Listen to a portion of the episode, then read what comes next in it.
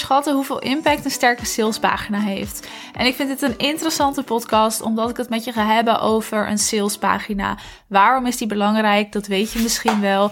Maar ook waarom wordt daar nu nog te makkelijk over gedacht? Een salespagina wordt vaak snel even in elkaar geflanst, zonder daar eigenlijk over na te denken en echt even bewust bij stil te staan. Maar met je salespagina kun je dus twee verschillende dingen willen en dat wil ik eerst duidelijk maken. Het eerste is dat er vanaf je salespagina meteen wordt gekocht. Dat is vaak als je bijvoorbeeld een cursus verkoopt of een doorlopend programma. En nou, ter voorbeeld, mijn groepsprogramma is een programma die doorlopend wordt verkocht. Dus die wil ik verkopen op de salespagina. Maar dan is er nog een tweede optie. Dat is namelijk dat je gaat sturen op een gesprek of kennismaking. En dat wil je meestal als je een duurder programma verkoopt of als je exclusiever werkt of bepaalde pakketten hebt waar je sowieso iemand voor gesproken moet hebben. En weer ter voorbeeld, dat heb ik bijvoorbeeld bij mijn 1 op 1 programma. Daar moet ik iemand eerst gesproken hebben om te bepalen of iemand ook wel past bij het programma. Dus daar is de selectie ook vanuit mijn kant veel strenger. Afhankelijk van wat jij wil, dus optie 1 of 2, ga jij je salespagina inrichten.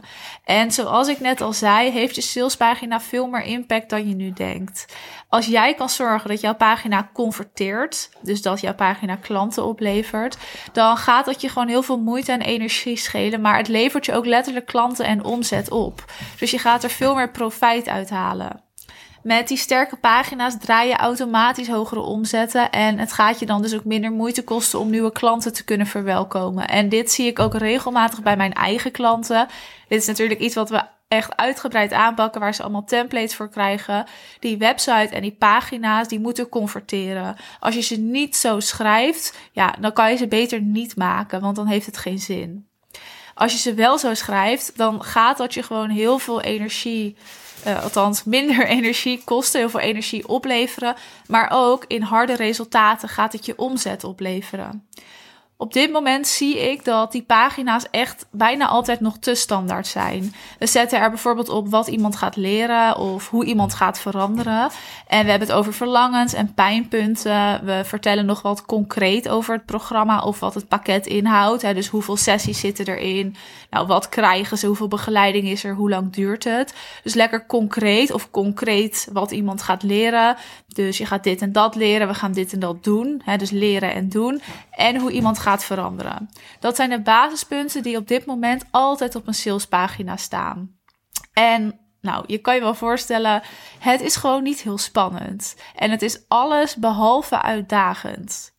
Tuurlijk wil je op je salespagina duidelijke informatie over je aanbod zetten. Zodat mensen ook kunnen gaan filteren en kunnen kijken: is dit waarnaar ik op zoek ben of is dit passend? Maar nog belangrijker is dat jij jouw ideale klant gaat triggeren en net even dat stapje verder gaat dan de rest doet.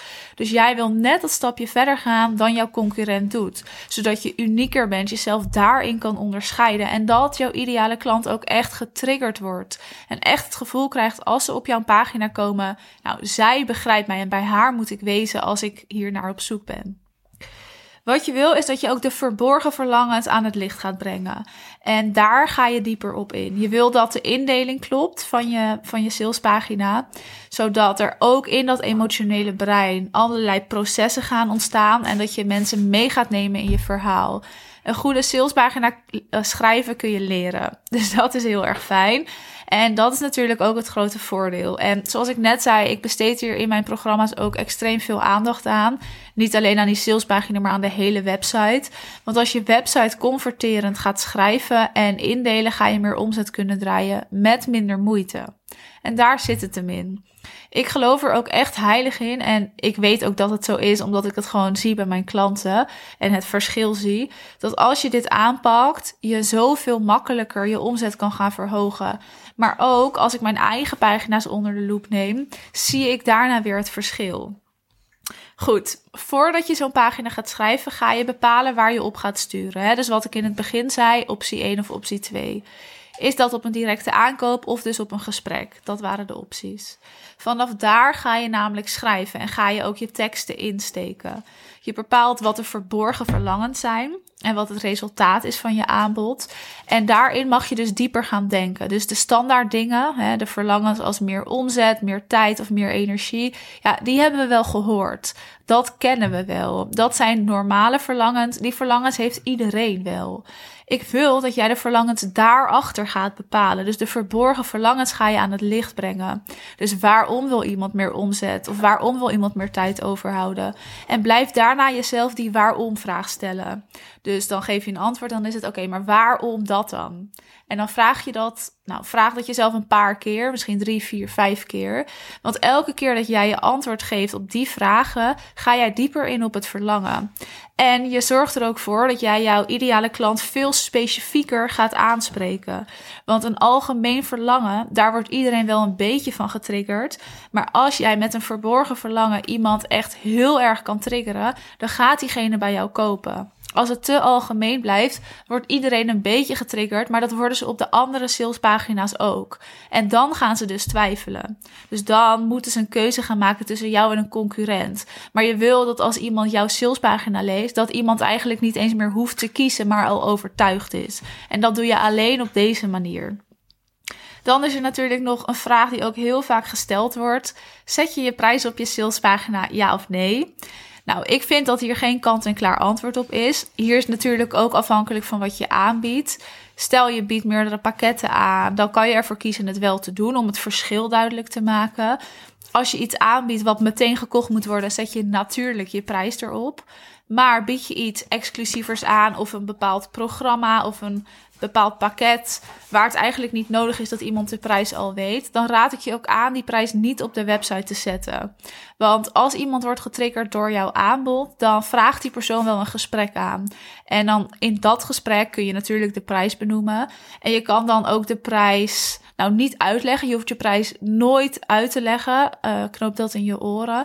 Maar je kan dan wel meer vertellen over je aanbod. En dat is soms nodig bij bepaalde programma's of pakketten om vervolgens een prijs te noemen. En dan staat de prijs altijd in lijn. Maar je hoeft je prijs nooit uit te leggen. Je hoeft je prijs nooit te verantwoorden, want dat is het waard, want jij hebt dat bepaald. Zo simpel is dat. Nog heel even over die indeling en de content ook op je pagina's.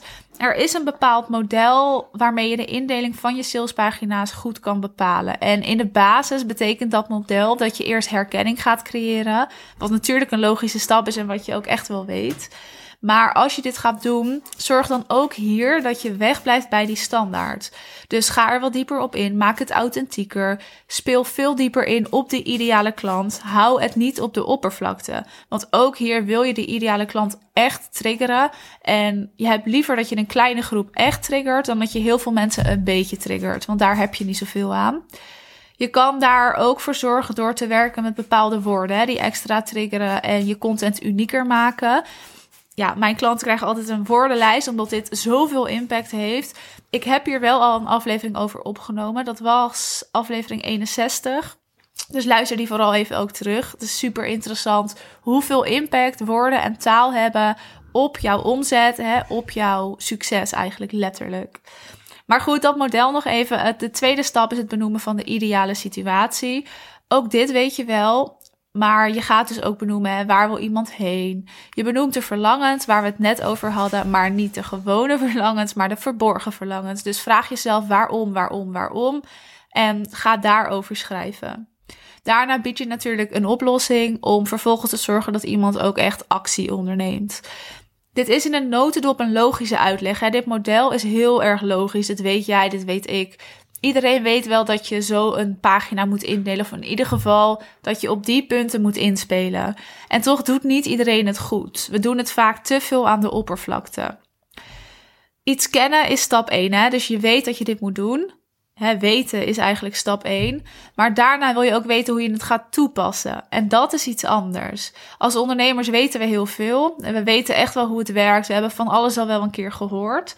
Maar weten hoe iets echt werkt en hoe je iets echt toepast voor jouw bedrijf is heel wat anders. Dus ga daar mee aan de slag. Als je niet weet hoe je het toepast, maar wel weet hoe het werkt, dan ga je er niks mee opschieten. Je moet weten hoe je het moet toepassen voor jouw bedrijf. En dat is natuurlijk de kunst. Dat is ook precies waarbij ik je kan helpen. En wil je daarmee aan de slag, plan dan even een gratis strategie-sessie.